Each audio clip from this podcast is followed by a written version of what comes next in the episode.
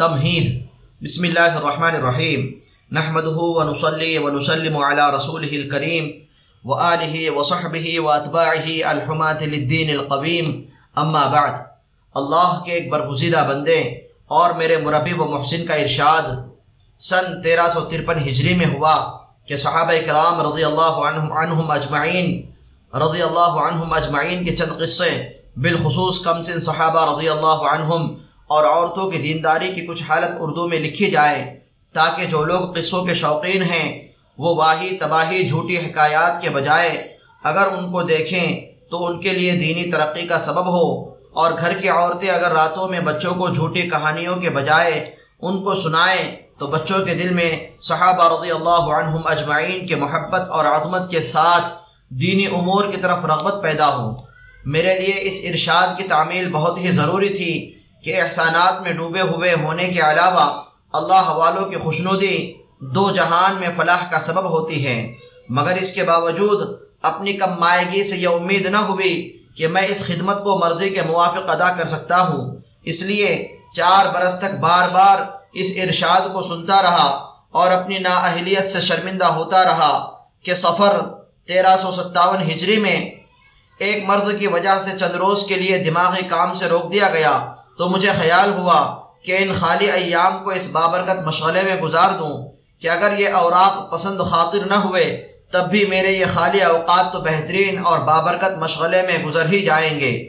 اس میں شک نہیں کہ اللہ والوں کے قصے، ان کے حالات یقیناً اس قابل ہیں کہ ان کی تحقیق اور تفتیش کی جائے اور ان سے سبق حاصل کیا جائے۔ بالخصوص صحابہ کرام رضی اللہ عنہم اجمعین کی جماعت، جس کو اللہ جل شاہ نے اپنے لاڈل نبی اور پیارے رسول صلی اللہ علیہ وسلم کی مصاحبت کے لیے چنا۔ اس کی مستحق ہے کہ اس کا اتباع کیا جائے۔ اس کے علاوہ اللہ والوں کے ذکر سے اللہ کی رحمت نازل ہوتی ہے۔ صوفیاء کے سردار حضرت جنید بغدادی رحمۃ اللہ علیہ کا ارشاد ہے کہ حکایت اللہ کے لشکروں میں سے ایک لشکر ہے، جس سے مریدین کے دلوں کو تقویت حاصل ہوتی ہے۔ کسی نے دریافت کیا کہ اس کی کوئی دلیل بھی ہے فرمایا ہاں اللہ جل شانہ کا ارشاد ہے۔ وَكُلًّا نَقُصُّ عَلَيْكَ مِنْ أَنْبَاءِ الرُّسُلِ مَا نُثَبِّتُ بِهِ فُؤَادَكَ، وَجَاءَكَ فِي هَذِهِ الْحَقُّ وَمَوْعِظَةٌ وَذِكْرَى لِلْمُؤْمِنِينَ۔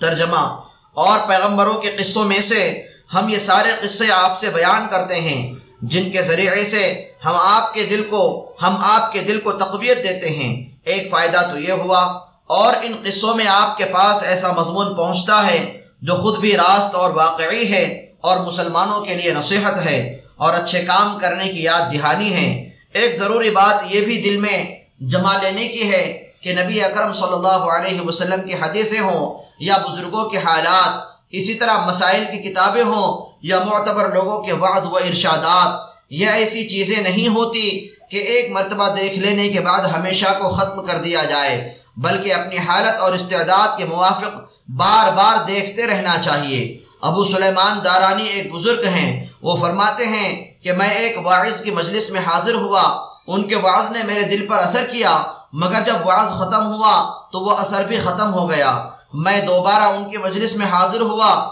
تو اس واعظ کا اثر فارغ ہونے کے بعد گھر کے راستے میں بھی رہا۔ تیسری مرتبہ پھر حاضر ہوا تو اس کا اثر گھر میں پہنچنے پر بھی رہا۔ میں نے گھر جا کر اللہ کی نافرمانی کے جو اسباب تھے، سب توڑ دیے اور اللہ کا راستہ اختیار کر لیا۔ اسی طرح دینی کتابوں کا بھی حال ہے کہ محض سرسری طور پر ایک مرتبہ ان کے پڑھ لینے سے اثر کم ہوتا ہے، اس لیے کبھی کبھی پڑھتے رہنا چاہیے۔ پڑھنے والوں کی سہولت اور مضامین کے دل نشین ہونے کے خیال سے میں نے اس رسالے کو بارہ بابوں اور ایک خاتمے پر تقسیم کیا ہے۔ پہلا باب دین کی خاطر سختیوں کا برداشت کرنا اور تکالیف و مشقت کا جھیلنا۔ دوسرا باب، اللہ جل جلالہ و عم نوالہ کا خوف اور ڈر۔